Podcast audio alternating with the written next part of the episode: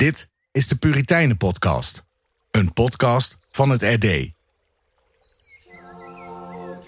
Vanuit Engeland vluchten ze naar Nederland en later naar Amerika. De Puritijnen. Wie waren deze Engelse protestanten? En hoe kan het dat hun invloed zelfs nu nog overal zichtbaar is? Steven Middelkoop en Albert-Jan Rechterschot gaan op reis met de Puritijnen. Deze Puritijnen-podcast wordt mede mogelijk gemaakt door Gebroeders Koster, een verantwoord assortiment boeken voor het hele gezin. Dit is alweer de derde aflevering van de Puritijnen podcast.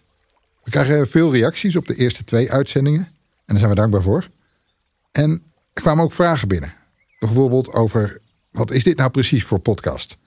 Uh, bij de Puritijnen verwacht je misschien vooral een meditatieve podcast.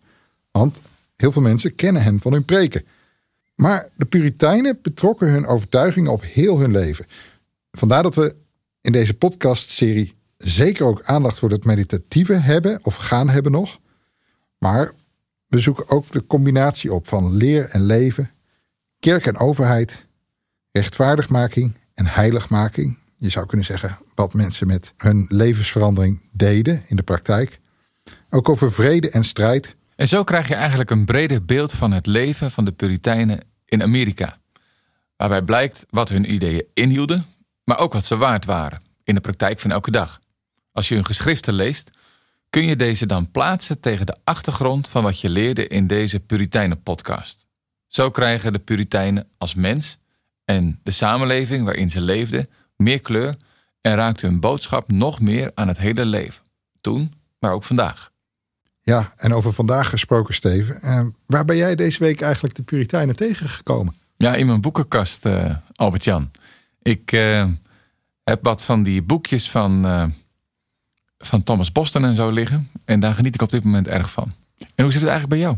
Ja, ik heb een dagboek dat ik elke avond lees van de Puritijnen. Ehm, er stonden recent een aantal stukjes in van Thomas Taylor. Dat is een Puritein, een wat nou, die rond de eeuwwisseling van de 16e naar de 17e eeuw predikant was in Engeland. En wat me daarin opviel was dat hij heel scherp um, onderscheid maakt tussen het um, rust op indrukken en op het uh, verschil met het ware zaligmakende geloof. En dat zit je toch eigenlijk wel gelijk in het hart van de prediking van de Puritijnen. Absoluut. Dat zie je ook bij eh, Boston hè, met zijn viervoudige staat. Dat hij de dingen kan onderscheiden zonder dat het uh, vervolgens onontwarbaar wordt. Hij houdt de dingen toch bij elkaar.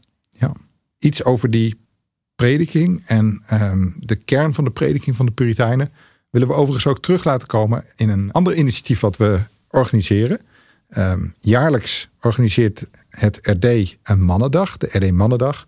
Nou, die kan dit jaar vanwege de omstandigheden met de coronacrisis niet doorgaan. Althans, niet in de vorm zoals die traditioneel gehouden werd. Nou, vandaar dat we met de Puritijnen podcast en de organisatoren van de RD Mannendag de handen ineengeslagen hebben. En op zaterdag 12 december organiseren we s'avonds een livestream. Een RD Mannendag livestream over de Puritijnen. Onder het thema Heb goede moed. Waarin het ook nadrukkelijk gaat over de bemoediging vanuit de theologie, vanuit het gedachtegoed van de Puritijnen. Met als spreker? Spreker is dominee P. den Oude de hersteld hervormde gemeente in Katwijk. En wij hopen met z'n tweeën ehm, het programma te leiden. Ik zie er naar uit. Ik ken dominee Oude als iemand die doordrenkt is van het Puritijnen gedachtegoed. En ik denk dat hij in staat is om voor vandaag die boodschap van aanmoediging te laten wortelen in die boodschap van toen. Prachtig. De mannendag, maar nu een avond via livestream. We zien er naar uit. 12 december. Ja, en we hebben er een leuke locatie, denken we zelf, bij. Uh, het, uh, het, programma wordt verzorgd vanuit de Pelgrimvaderskerk in Rotterdam-Delfshaven. Delfshaven, dat was de plek waarvan uit de Pilgrimvaders in 1620 hun reis begonnen naar Noord-Amerika. We gaan in de voetstappen van de Puritijnen. Ik zie je dat. In deze derde aflevering van de Puritijnen podcast spreken we met Wim Kranendonk over de invloed van de Puritijnen op het Amerika van vandaag. Denk aan de brede evangelical beweging, het steeds opbloeiende Calvinisme, maar ook aan de vrijmoedigheid waarmee Amerikanen anno nu de politiek verbinden aan het geloof. Ofwel, daar grote breuklijnen tussen zien. Nadrukkelijk luisteren we daarbij naar personen die in de 17e eeuw voet aan wal zetten in Amerika. Wat stond hen voor ogen? Lang voordat hij naar Amerika reisde, leefde een jonge man in Engeland met hooggestemde Puriteinse idealen. En die man is belangrijk voor deze uitzending. Zijn naam is John Winthrop. Hij schreef als 25-jarige in zijn dagboek een gelofte aan God. Ik neem me voor om allereerst mijzelf, mijn leven, mijn verstand, mijn gezondheid, mijn rijkdom te geven ten dienste van mijn God en Verlosser, die door zichzelf voor mij en aan mij te geven, verdient dat wat ik ben of zijn zal, tot zijn wil en glorie zal zijn. Moet je bedenken, die man was een rijke landeigenaar. Hij verkocht wat hij had, ging naar de nieuwe wereld en zou daar op latere leeftijd de gemeenschap leiden. Deze gedreven jongeman zou ook gaan spreken over de hoge roeping van emigranten in Nieuw-Engeland. Zij moesten een stad op een berg, een city upon a hill vormen. En eigenlijk is hij daarmee wel een, zou je kunnen zeggen, trendsetter geweest voor de Puritijnen die met hem meekwamen, of eh, die de eerste jaren na hem, rond 1630, kwamen. En zo kun je eigenlijk zien dat de geloofsbeleving en de theologische opvattingen van de Puritijnen op dat moment bepalend waren voor hoe Noord-Amerika eruit ging zien, maar ook tot op de dag van vandaag nog diepe sporen hebben getrokken in de Amerikaanse geschiedenis. In Nieuw-Engeland, Nieuw-Engeland, Nieuw-Engeland, de koloniën daar, zouden bepaalde zaken echt anders worden aangepakt dan voorheen in Engeland. Denk bijvoorbeeld aan de manier waarop hun rechtssysteem functioneerde. Uh, veel kolonisten hadden slechte ervaringen met het systeem in Engeland. Sommige van hen hadden in de gevangenis gezeten om godsdienstige redenen. En ze pleiten er daarom voor om in de kolonie, waar ze opnieuw konden beginnen, een eerlijker rechtssysteem in te voeren. Bijvoorbeeld advocaten mochten hun werk niet altijd meer doen als ze aankwamen in de Engelse kolonies. Want in hun thuisland, Engeland, daar werden ze steenrijk in een oneerlijk rechtssysteem, zo vonden de kolonisten, en dat wilde men niet nog eens meemaken. En dus versimpelden die Amerikaanse kolonisten het rechtssysteem en brachten het terug tot eenvoudige principes. En iemand als John Winthrop, die gouverneur was in ehm, de Massachusetts Bay Colony, een van de eerste en belangrijkere kolonies, speelde daar een belangrijke rol bij. Van boeken krijg je nooit genoeg. Dat gold ook voor de Puritijnen. Een van de eerste dingen die de kolonisten deden toen ze aankwamen was het stichten van een school. Nu zeg je, logisch, je sticht een school. Nou nee, in die tijd was het niet gewoon dat kinderen allemaal naar school gingen. In 1647 passeerde in de Massachusetts Colony een wet die bepaalde dat iedere plaats met meer dan 50 huishoudens een onderwijzer aan moest wijzen. Men moest dus samen de school dragen. En dat was de basis voor het latere schoolsysteem in Amerika. Alle kinderen leren lezen. Want dan krijg je toegang tot het woord van God. Ja, en het bijzondere is dat dat systeem niet alleen beperkt bleef tot de kolonisten zelf. Want je ziet in de jaren daarna ehm, dat men actief gaat worden onder de um, Indianen met zending.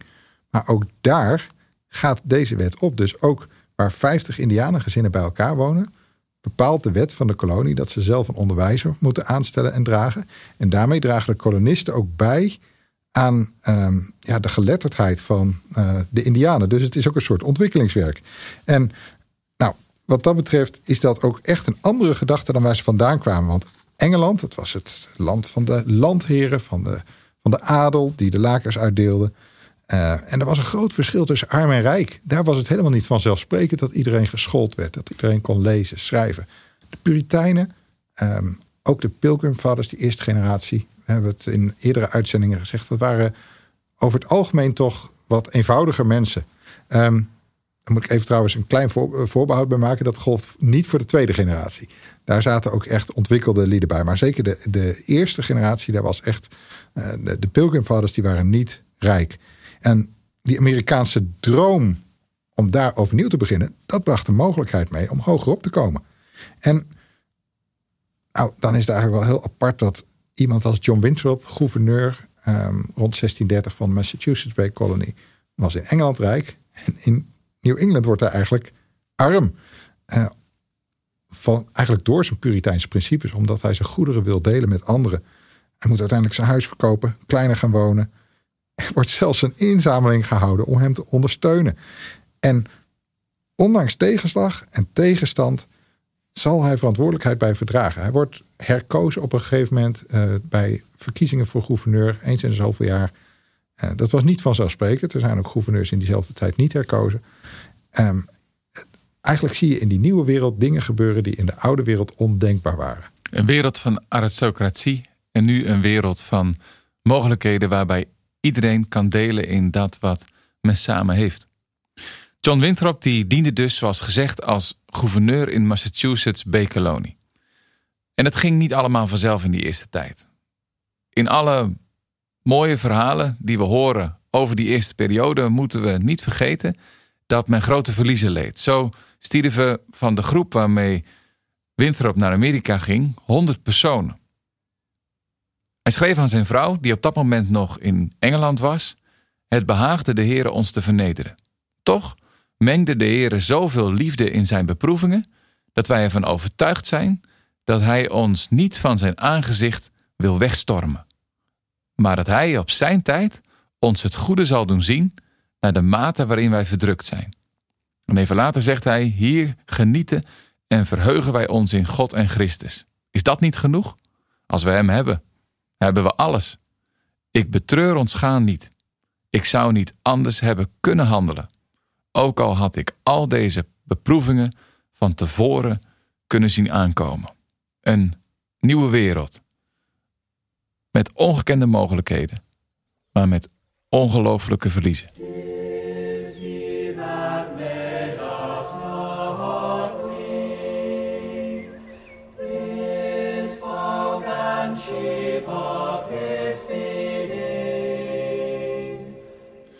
Puriteinse gemeenschap kreeg in de Promised Country de mogelijkheid om een samenleving in te richten naar eigen overtuigingen. Of beter gezegd, naar bijbelse maatstaven. Als kolonist en leider van een groep Nieuw-Engelandvaarders sprak John Winthrop een preek uit die tot op de dag van vandaag indruk maakt. Met als focuspunt A City Up on a Hill. Over deze preek en over dit gedachtegoed spreken we met Wim Kranendonk. Hij is voormalig hoofdredacteur van het Reformatorisch Dagblad, schreef diverse biografieën en heeft de boekenkasten volstaan met Puriteinse geschriften.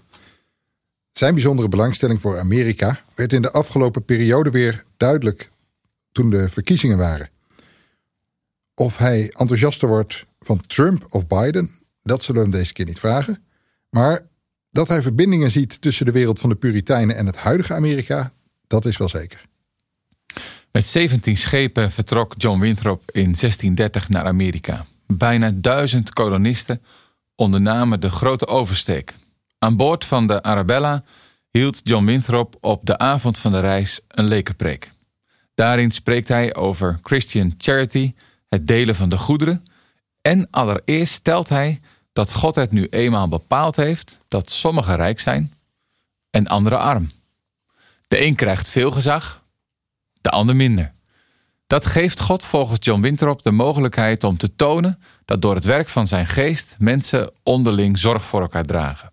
De rijken moeten de armen niet opeten. De armen dienen in, niet in opstand te komen en zich het juk af te werpen. Men dient echter alle op te vallen door geloof, door geduld, door onderdanigheid. Vervolgens geeft hij twee rond, grondregels mee waar men zich aan moet houden: justice and mercy rechtvaardigheid en genade. Men moet elkaar aannemen als een broeder in Christus. Doe goed aan allen, met name aan de huisgenoten van het geloof. En daarbij horen drie dingen die ze onderling moeten doen. Allereerst aan elkaar geven. Als tweede aan elkaar uitlenen. En als derde vergeven. Belangrijke aandachtspunten voor een nieuwe gemeenschap in een nieuwe wereld. John Winthrop zou ze zelf in praktijk brengen. Hij liet zijn kinderen eten brengen bij de armen, zodat het aan niets ontbrak. Sterker nog, hij zou uiteindelijk sterk verarmen. Hier bij ons is Wim Kruinendonk. Wim Kruinendonk is als geen ander op de hoogte van de Amerikaanse geschiedenis. Wim, John Winthrop had oog voor standsverschillen, maar deed tegelijkertijd een beroep op solidariteit, samen delen. Wat zag je daarvan terug in dat New England? Nou, om het eerste maar aan te sluiten wat je zojuist noemde, de drie dingen die hij belangrijk vond. Uh, daarvan viel gelijk op dat het vergeven een kenmerkend iets was in die eerste samenleving. Wij hebben altijd de indruk dat de pilgrimvaders, die vanuit Nederland naar Amerika gingen, een aantal uh, gelovige mensen was. Maar onder die scheepsbevolking die de oversteek van de Atlantische Oceaan maakte, zaten ook een aantal avonturiers, zo niet boeven. En een van de dingen die eh, zowel Winthrop als zijn voorgangers hebben benadrukt, is laten we deze mensen een tweede kans geven. Dat zat heel sterk in die Amerikaanse samenleving. Ook als je zakelijk failliet ging, werd je opnieuw geholpen. Niet om weer superrijk te worden, dat was iets wat je zelf moest realiseren.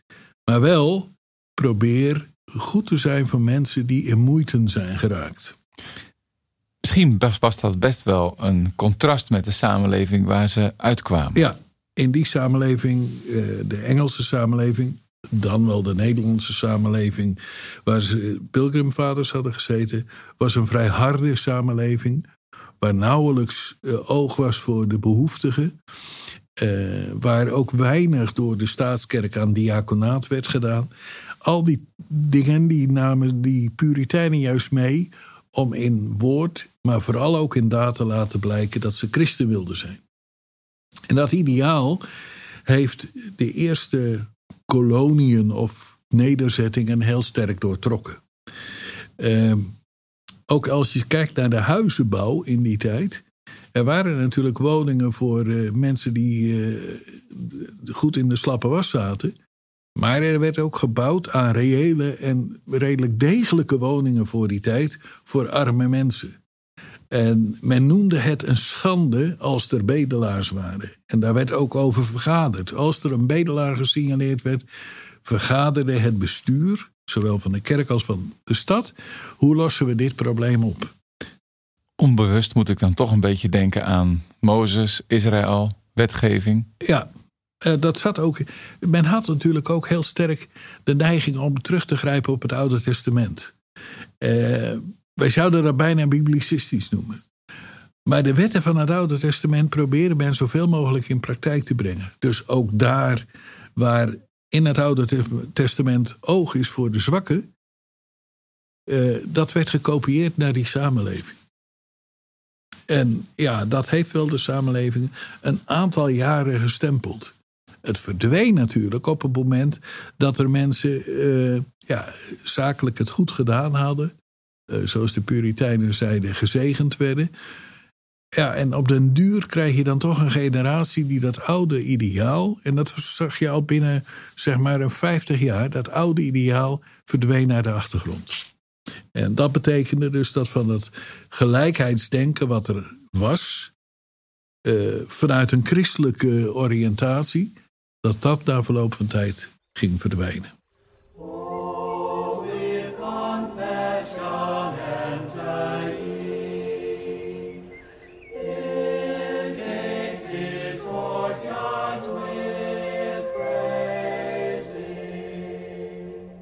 viel ook anderen op, uh, kan ik me herinneren. Want er uh, zijn verslagen van uh, bijvoorbeeld bezoeken over en weer van mensen uit de kolonie Nieuw-Nederland. Die dan bijvoorbeeld in Nieuw-Engeland komen kijken.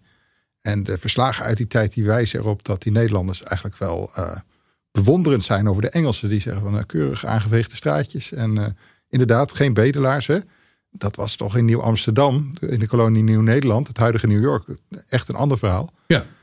Um, dat waren ook handelsnederzettingen. Waar dus het ging om uh, ja, zaken doen, rijk worden, uh, winst maken. Die hadden een heel ander oogmerk dan wat er in New England, in die Puriteinse koloniën aanwezig was. Ook naar de autochtone bevolking. Kijk, als je nu in het uh, Pilgrimfathers Museum komt in eh, in, in Amerika, dan zie je daar ook een Indiaan staan die vertelt het verhaal van de Indianen. Maar uit verslagen uit die begintijd blijkt dat men wel contact zocht met die oorspronkelijke bevolking. En niet de techniek gebruikte die bijvoorbeeld de Portugezen en de Spanjaarden wel hadden bij hun koloniën.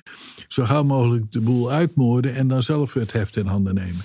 Nee, met de Wampanoa, dat was een Dianastam, heeft men uh, samengewerkt.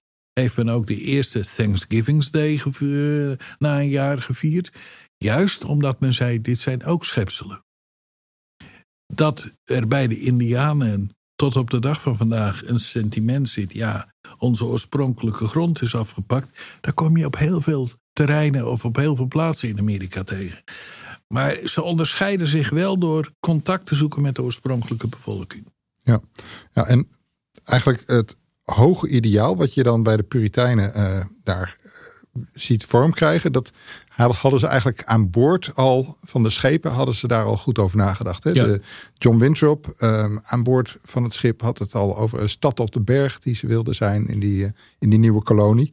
Um, in die lekenpreek, uh, waarover uh, we het net hadden, daar refereert hij ook aan Micha 6, vers 8. Daar staat: Hij heeft u bekendgemaakt, o mens, wat goed is. En wat eist de Heer van u dan recht te doen en weldadigheid lief te hebben en ootmoediglijk te wandelen met uw God. En dan zegt Wintrop, we moeten dit werk, in dit werk samengebonden worden, als één man. We moeten elkaar bijstaan in broederlijke genegenheid.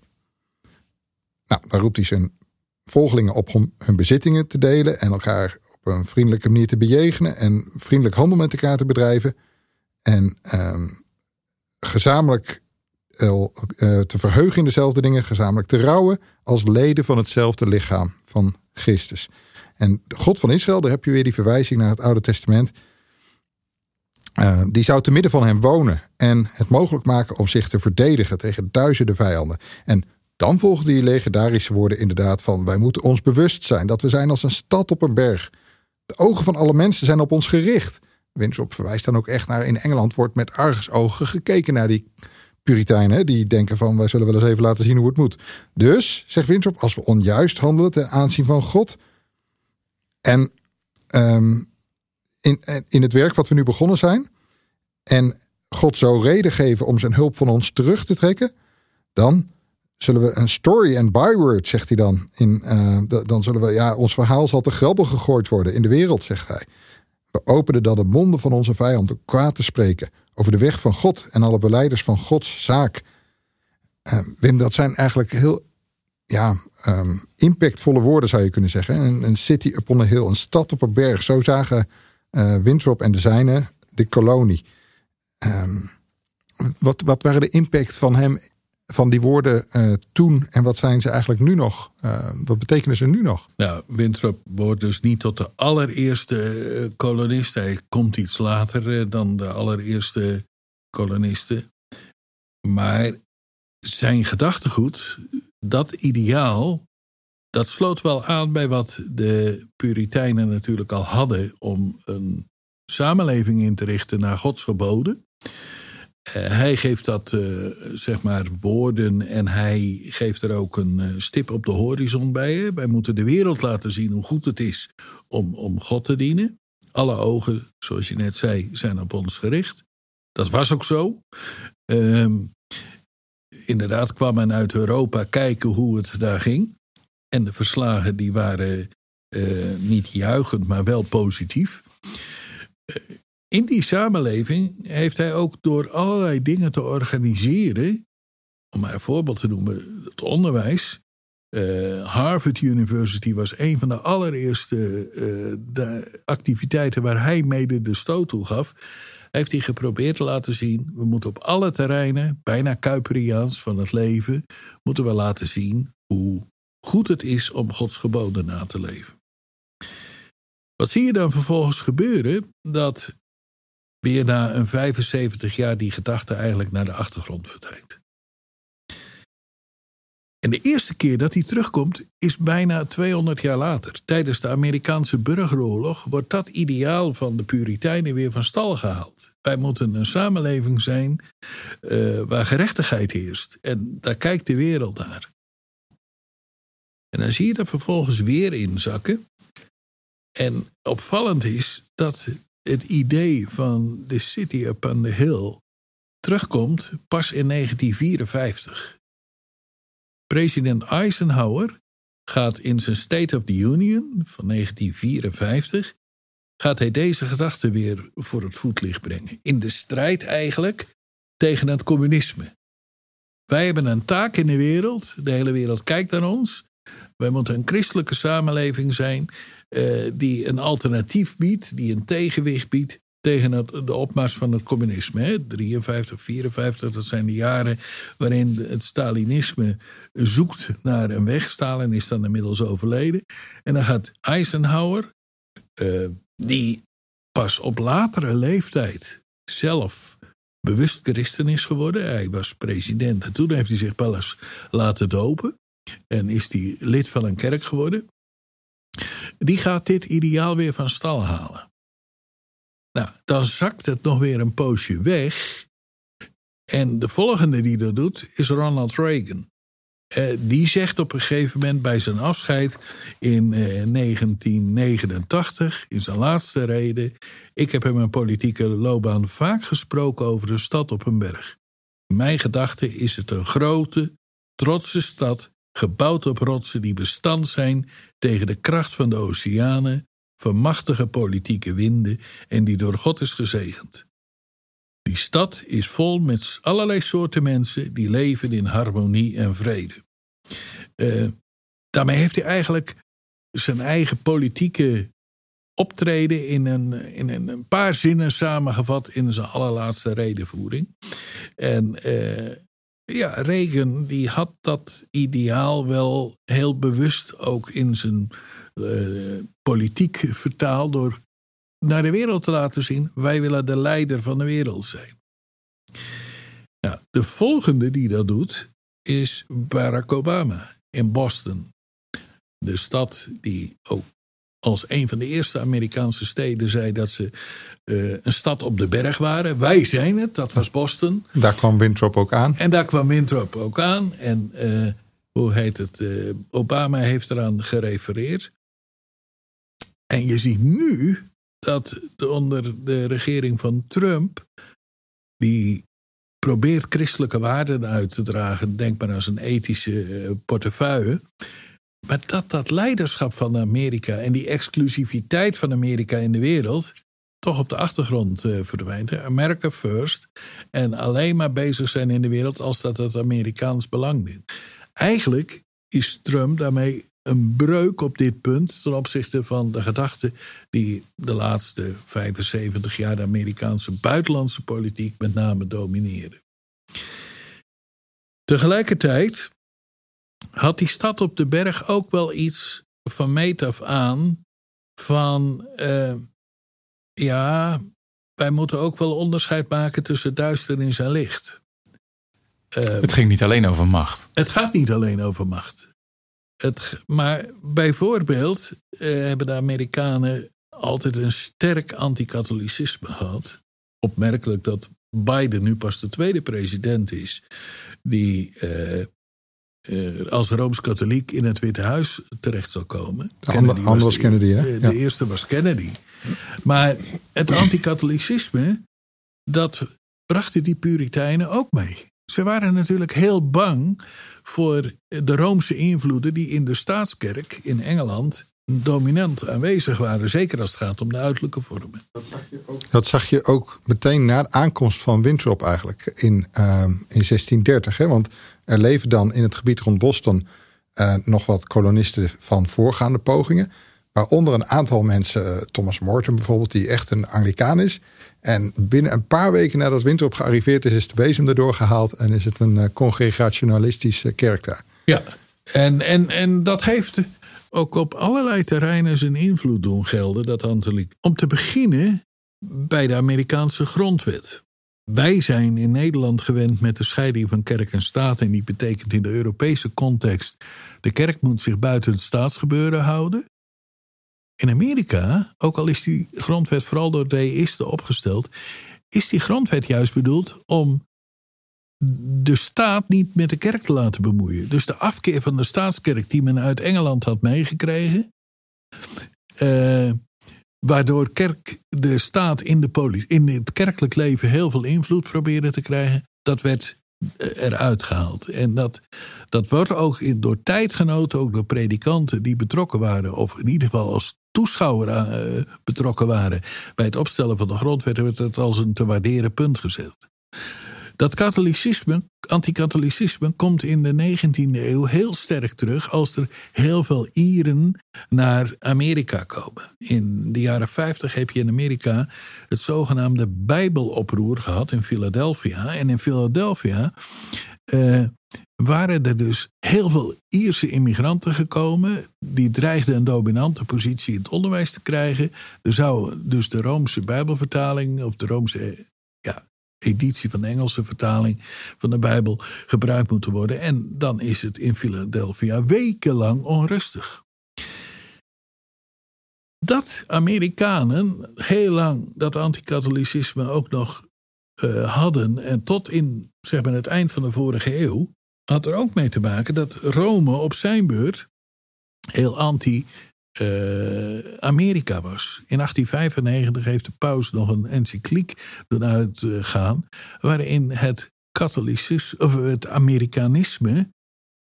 eigenlijk als een goddeloze stroming werd neergezet. Ga je terug naar dat anticatholicisme. wat denk ik vooral door twee dingen is weggezakt in de huidige tijd. Eén, doordat Kennedy toch wel een gewaardeerde president bleek te zijn, ondanks het feit dat hij rooms-katholiek was. En twee, door de secularisatie waarmee, waar Amerika nu mee te maken heeft. Maar het komt wel bij de Puritijnen vandaan. En bij het ideaal wat Winthrop ooit had bij een zuivere, een lichtende stad op een berg. En dat uh, stad op berg ideaal, je zegt dat is eigenlijk, uh, dat heeft de eeuwen overleefd. Ja. Uh, maar kun je zeggen dat waar Winthrop het nog heel sterk verbond aan de Bijbel en het ook in, de, in een preek eigenlijk verwoord, dat latere presidenten het een meer nationalistische betekenis ja, hebben zeker, gegeven? Zeker, dat, dat zie je dus al bij Eisenhower gebeuren. Waarbij ik de indruk heb dat Eisenhower er ook vooral iets vanuit zijn overtuiging in geestelijk opzicht mee bedoelde. Ik kan dat niet helemaal hard maken, maar als je het leven van Eisenhower bekijkt, is er wel enige aanleiding om dat te zeggen. Maar zie je dat latere presidenten, Reagan eh, weer sterker en Barack Obama helemaal, het vooral politiek duiden.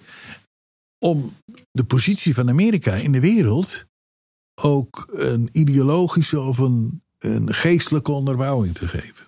Ja, en wat kun je op basis daarvan zeggen van wat Amerika met de erfenis van de Puritijnen gedaan heeft? Ja, in belangrijke mate zie je op dit terrein in ieder geval dat ze die erfenis niet geestelijk hebben door voor de, eh, niet geestelijk hebben uitgedragen, maar meer maatschappelijk en politiek en sociaal hebben geduid. Ehm, vooral politiek. Amerika, de, de, de leider van de wereld in de wereld. Uh, die heeft, uh, die gedachte heeft in de loop van de jaren uh, vooral een politieke lading gekregen.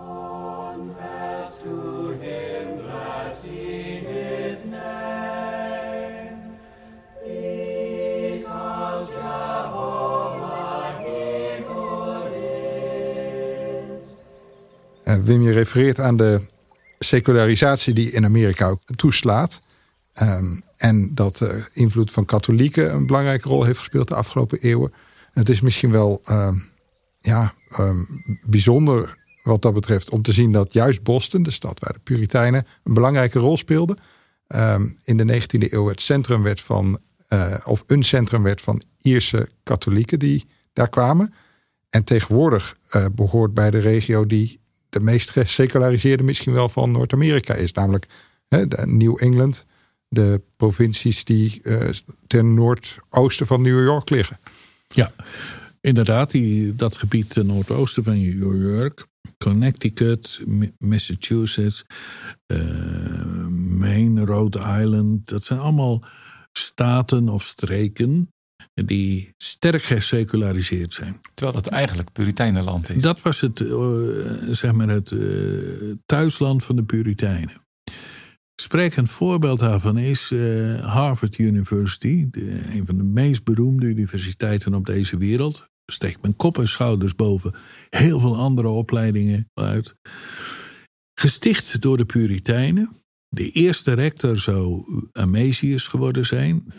Theoloog die in Nederland, ook op de Duitse synode, een belangrijke plaats had. Echter, hij overleed uh, voordat hij naar Amerika kon gaan. En vervolgens is er een leerling van hem, een Eaton uit Franeker, naar Amerika gegaan om daar de eerste rector te worden. De eerste bibliotheek van Harvard University is van een Puritein, een meneer Harvard, vandaar de naam, schonk zijn Puriteinse boeken aan de universiteit.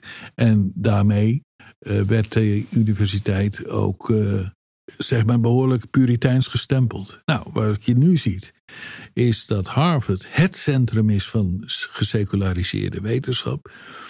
Heel sprekend voorbeeld is dat Harvey Cox, de schrijver van het boek De Stad van de Mens, die in de jaren 60 heel populair was in Amerika, maar zijn boeken werden in Nederland ook door heel veel theologen gelezen. Dus de man die eigenlijk voor het eerst een theologische verdediging van de secularisatie gaf. Nou, dat gebeurde aan Harvard. En dat is er dus op de dag van vandaag van overgebleven. En Boston, en de familie Kennedy, waar we het net over hadden, komt uit Boston. En uh, dat, daar hadden de Rooms-Katholieken door de komst van de Ieren in de 19e eeuw. We hebben daar een belangrijke vinger in de pap gekregen. En van Puriteinse kerken en idealen vind je daar eigenlijk nauwelijks meer iets terug. Nou, wat wel mooi is, misschien die uh, bibliotheek van uh, John Harvard. Uh, dat is nog steeds onderdeel van de bibliotheek van de Harvard University, toch Wim? Ja, maar dat is ook weer typisch Amerikaans. Ook al doen ze er misschien helemaal niks meer mee, ze hebben alles, en dat doen ze op alle universiteiten, bewaard van wat er in de loop van de jaren uh, is geschonken en gekocht en gelezen, bestudeerd. En inderdaad, in die uh, bibliotheek van uh, Harvard vind je de werken van Perkins, om maar een voorbeeld te noemen, die een van de vroege Puritijnen is genoemd. Ja, staan daar een kloeke folianten staan daar uh, zijn werken. En kun je daar gewoon raadplegen. En zo kom je heel wat andere uh, Puritijnen tegen. De acta van de Duitse synode, in het Latijn weliswaar, maar die kun je daar gewoon raadplegen. Kortom, ze hebben een enorme boekenschat. En op het uh, universiteitsterrein kom je ook standbeelden tegen van John Harvard, maar ook van, van Hooker en, en van andere Puritijnen die daar een rol hebben gespeeld. Ja, het is opvallend hè, in dat geseculariseerde deel van Amerika. Uh, Harvard University, daar uh, kun je dus in de bibliotheek, um, weet ik ook uit eigen ervaring, uh, gewoon de Puritijnen, de originele, soms eerste drukken waarvan nog maar enkele exemplaren op de wereld zijn, ja.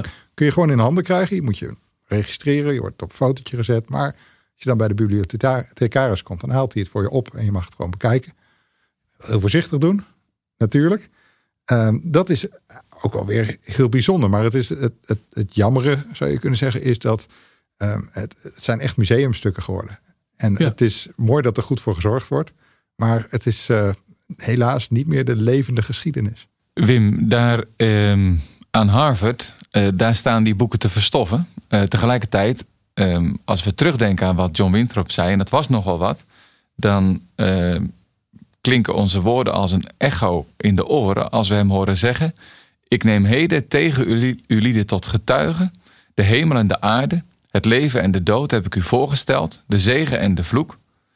Kies dan het leven, opdat gij leeft, gij u nu zaad. Nu zijn dat niet de woorden van Winthrop, maar dat zijn de woorden van Mozes. En tegelijkertijd liet Winthrop die woorden meeklinken toen hij um, zijn volk, zijn mensen, die eerste groep waar hij mee die kant op ging en aankwam, uh, toesprak. Dus hij koos heel duidelijk voor een leven voor Gods aangezicht. Uh, die in de stad op die berg, dat Amerika, waar die Puritijnen aankwamen en God zouden gaan dienen. Nu zien we dat aan de bovenkant, dus in, in het denken, Harvard University, et cetera, dat dat Puriteinse denken helemaal is weggeëpt. ik zie je tegelijkertijd toch nog sporen terug van, van Puriteins gedachtegoed vandaag in een of andere vorm? Nou ja, een paar dingen uh, moet je daarin onderscheiden. Uh, maar tot voor een jaar of tien kon je zeggen dat er Amerika een land was met een verburgerlijkte religie. Je kon meemaken dat je in New York in de taxistad en, uh, stapt en de uh, taxichauffeur vraagt: Do you believe in Jesus? Ja, dat zie ik in Nederland nog niet gebeuren. Uh, je ziet dat in de reclames. wij vinden het allemaal overtrokken, uitbundig en dergelijke. Maar Amerikaanse steden hebben vaak aan de buitenkant van de stad, langs de snelwegen, grote reclameborden. Daar zie je gewoon de boodschap van het evangelie veelvuldig in grote reclameborden. Uh, dat app nu wel weg. Er, dat uh, een taxichauffeur dat zomaar tegen je zegt. Bij jongeren doet men dat veel minder. Dat is de eerste. Het tweede is dat het er sterk van afhangt waar je zit. We hadden het net even over het Noordoosten, dus de Oostkust. Hetzelfde geldt voor de Westkust. Als je op het platteland zit, eh, wat Amerika gewoon een oninteressant, Amerikanen gewoon een oninteressant gebied noemen, ze noemen dat de flyover country, uh, daar kom je nog heel veel uh, mensen tegen die toch wel uit een christelijke levensovertuiging leven.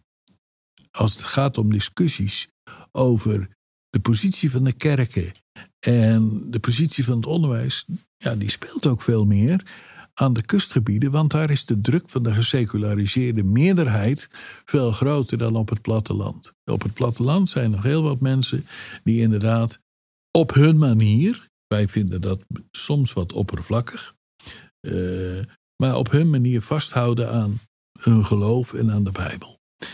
Uh, dat is het tweede. Het derde is. Kijk, de Puritijnen, eh, die zag je heel snel na de eerste 50 jaar. Eh, toch wel worstelen met de vraag: hoe gaan we nou met andersdenkenden om? Een vorm van tolerantie. Daar was misschien ook wel meer behoefte aan dan in andere landen, omdat Amerikanen zijn onafhankelijke lieden en het independentisme, wat in Engeland een probleem was, komt in Amerika uh, en krijgt daar alle ruimte. Nou, dat zie je. Dat we hebben weliswaar een aantal grote kerken. De Zuidelijke Baptisten zijn daar een voorbeeld van. Presbyterian Church of America is daar een voorbeeld van. Maar veruit de meeste christelijke kerken zijn onafhankelijke kerken. Die ja, misschien voor een paar zaken dan elkaar nog nodig hebben en een of ander verband sluiten. Maar vooral doen we het op onszelf. En eh, dan, of die kerk groeit of niet groeit, hangt vooral af van welke dominee is er. En als de dominee weggaat, dan zie je een kerk wegzakken. Er staan dus letterlijk, eh, dat heb ik in Oklahoma gezien, kerken gewoon, megakerken, staan gewoon leeg. Omdat de dominee vertrokken is en er geen goede spreker terugkwam. Nou, dat heeft ermee te maken dat Amerika een, een bepaald independentisme, onafhankelijkheidsdenken zou je het ook kunnen noemen, tot op de dag van vandaag heeft en ook onder christenen sterk vertegenwoordigd is. Zie je dat, Wim, nou ook terug bij onderwijsinstellingen? Want we hadden het er even over dat eh, Harvard University, dat die qua identiteit uh, totaal veranderd is. Maar is er bijvoorbeeld dan ook als een soort tegenreactie Um, zijn, er daar, zijn er ook universiteiten of andere onderwijsinstellingen opgekomen waar wel het ideaal van de Puritijnen levend gehouden wordt? Nou ja, eh, een sprekend voorbeeld is natuurlijk dat op een gegeven moment aan de Princeton University de liberale theologieruimte kreeg. En vervolgens wordt Westminster Seminary opgericht. En ja, dat is maar een voorbeeld. Uh, er zijn twee factoren die in Amerika zorgen voor een woud aan onderwijsinstellingen met een christelijke signatuur. Dat is één, uh, leerverschil en twee is dat geld. De leerverschillen bepalen en nog geen eens de leerverschillen, maar soms opvattingen op kleinere uh, detail die een leider of een voorman heeft of een prof heeft, die leiden tot, tot splitsingen en tot nieuwe uh, onderwijsinstellingen. En tweede is, ja, wij zeggen, ja, we willen iets, maar hoe krijgen we daar geld van de overheid voor? En als er geld van onszelf bij moet, dan moet dat via de collectezak. Ja, in Amerika zijn er gewoon een paar geldschieters. En die zeggen, wij regelen dat even. Wat dan wel op de manier zoals wij dat hebben willen. Maar dat leidt er dus toe dat dat ook weer tot een woud aan onderwijsinstellingen leidt. En betekent dat ook dat het geluid van het puritanisme, dat dat daarmee ook uh, verzwakt doordat het zo versplintert? Of kun je zeggen van nou nee, uh, er is toch nog wel degelijk een uh, stabiel geluid te horen door de jaren heen? Kijk, historisch gezien is het natuurlijk ontzettend verzwakt. Ik bedoel, als je kijkt naar eerst een kolonie waar alles puriteins is en nu een versplinterd land waar hier en daar nog vlekjes op de kaart zijn waar je er iets van terugvindt, is dat enorm verzwakt. De andere kant is dat juist in de laatste 25 jaar er een soort hernieuwde belangstelling voor het uh, puritanisme komt. Dat zie je punt 1 door enorme vloed aan publicaties, heel veel uitgaven van puriteinen worden, zijn juist de laatste 25 jaar weer op de markt gebracht. Al dan niet in aangepaste stelling, uh, spelling en al dan niet in uh, hertaalde vorm. Welke namen moet ik aan denken dan, uh, nou, dan denken we aan Solideo Gloria. Don Kistler is daar een man van. Joel Beakey is daar een voorbeeld van. De Banner of the Truth doet er heel veel aan. Maar ook iemand als uh, Sproul heeft daar in de loop van de jaren aandacht voor gevraagd. En welke namen willen ze dan weer opnieuw voor het voetlicht brengen? Welke Puritijnen zeggen zij van nou, als je nu jong Amerikaan bent, dan moet je die lezen? Uh, als het gaat om eh, eigen, van eigen bodem, is er heel veel belangstelling voor Jonathan Edwards. Uh, je moet niet gek kijken als je op een luchthaven of in een vliegtuig met iemand zit of met meerdere zit die Jonathan Edwards zitten te lezen. Dat is de Amerikaan die de meeste aandacht vraagt. En, en Jonathan Edwards, dan hebben we het niet over de eerste generatie Puritein, hebben, dan hebben we het over iemand uit opwekking in de 18e eeuw in Nieuw-Engeland. Ja. Maar wel iemand die de soevereiniteit van God bepaalt niet onder uh, nee, het kleed schuift. Die, die in die traditie staat. Ja. En, Whitefield is daar ook een voorbeeld van. Die staan echt in die traditie. Uh, dus als je vraagt welke leest men dan nu, dat is wel een waar van een latere generatie. Maar men leest daar ook uh, iemand als Boston. Die namen die zijn daar bekend geraakt. Uh, door uitgaven, dat is het eerste. Ten tweede, door conferenties. Amerika heeft veel conferenties van voor predikanten, voor belangstellende gemeenteleden, voor studenten. En eens of twee keer per jaar ontmoet men die dan op bijeenkomsten uit heel Amerika en soms vanuit heel de wereld. Voorbeeld daarvan is eh, de jaarlijkse conferentie van de Gospel Coalition. Eigenlijk een verband, een netwerkorganisatie van evangelicals. Maar er staat altijd wel een één of tweetal lezingen op het programma waar het om Puritijnen gaat. En waar de Puriteinse idealen vertolkt worden. Dus, dus hier en daar. Zie je er nog dingen van terug. Maar, dat is de ene beweging. Als het gaat om de Amerikaanse samenleving, dan zie je dat die juist de laatste twintig jaar sterk seculariseert.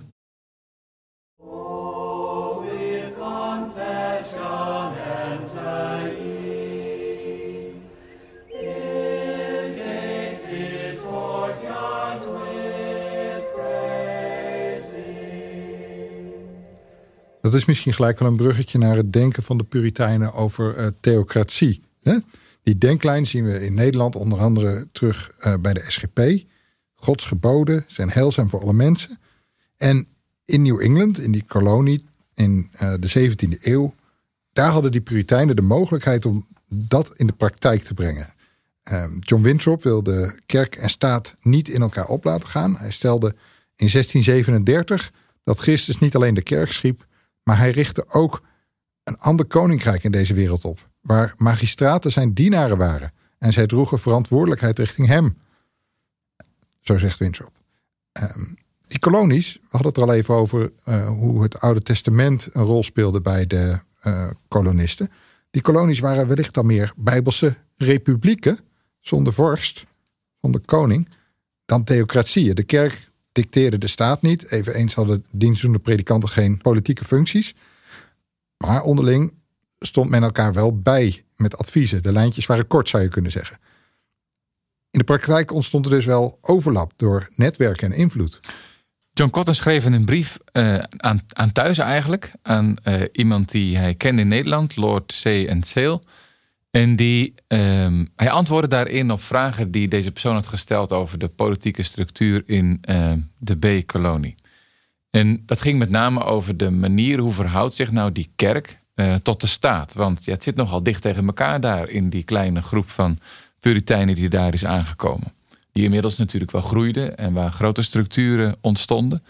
En hij citeert daar onder andere Thomas Hooker, een predikant die uh, we kennen vanuit die tijd, van wie ook nog steeds geschriften uitkomen. De grondlegger van de staat Connecticut. Ja, een belangrijke stem. En die zei eigenlijk het volgende. Hij zei dat niemand zijn huis aanpast aan de wandtapijten, maar de wandtapijten aan het huis. En hij pleitte daarom voor theocratie, zowel in de kerk als ten aanzien van de overheid. Salomo sprak immers over vreugde als de samenleving werd geregeerd door rechtvaardigen en treurige als de slechte regeerden. De regel was in die kolonie, volgens Hooker en daarmee volgens Cotton, de kerk moest toestemming geven om lid van de kerk te worden en alleen leden van de kerk konden publieke ambten bekleden. Dat vond Cotton een goede gewoonte. Purity, bewaard door de kerk, zal goed geordende vrijheid bewaren voor de mensen en die beide zorgen voor evenwichtige autoriteit onder overheidspersonen. Dan krijg je dus een kerk die bepaalt of jij goed genoeg bent en afhankelijk daarvan krijg je eventueel ook al of geen functie in de samenleving. Hier ligt een, een lijn die toen uh, werd getrokken. Is dat nog van invloed tot op de dag van vandaag? Of zijn er breuklijnen zichtbaar? Op welke manier onderscheiden zich men hiermee eigenlijk toen in de wereld? En wat zegt dat over nu? Ja, dit was in toen tijd eigenlijk al een uh, unieke constructie die ook al heel snel spanningen gaf. Want in die kolonie zat ook Roger Williams. Die zei, ja, dit model dat werkt gewoon niet. Dit, gaat mij te ver. Nou, dat leidt ertoe dat hij op een gegeven moment moet verdwijnen. Hij sticht dan de kolonie Rhode Island. Uh, dus dat ideaal, dat bleek al heel snel problemen te geven gaf ook problemen, omdat voordat de Rooms-Katholieken naar Boston kwamen, er andere immigranten kwamen. Want men had gehoord, daar is het goed toeven, daar is welvaart. Ja, en na verloop van tijd zeiden die mensen, mogen wij niet meepraten soms? Oh, dat was wel de bedoeling graag. Dus dat ging spanning geven. En eh, eigenlijk zie je al, zeg maar rond 1700, dat van die constructie er weinig meer intact kan, kan blijven. Gewoon door de toevloed van mensen.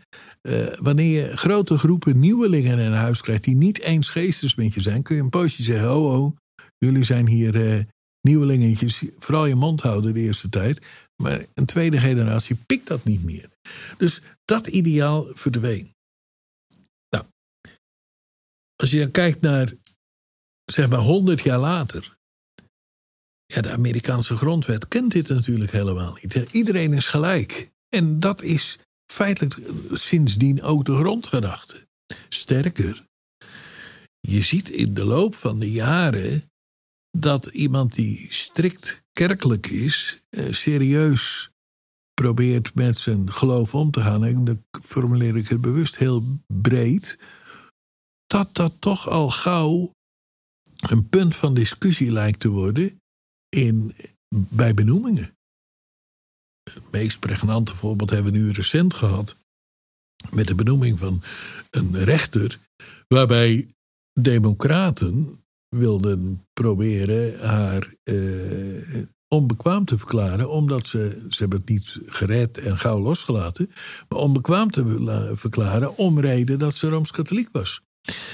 Nou, dat was iets wat de Puritijnen natuurlijk helemaal niet willen. Maar het fenomeen dat godsdienst echt relevant is, in positieve zin, voor het uitoefenen van je functie in het stads, staatsbestuur, zoals de Puritijnen dat wilden, ja, dat is na, laten we maar zeggen, na 75 jaar echt verdwenen.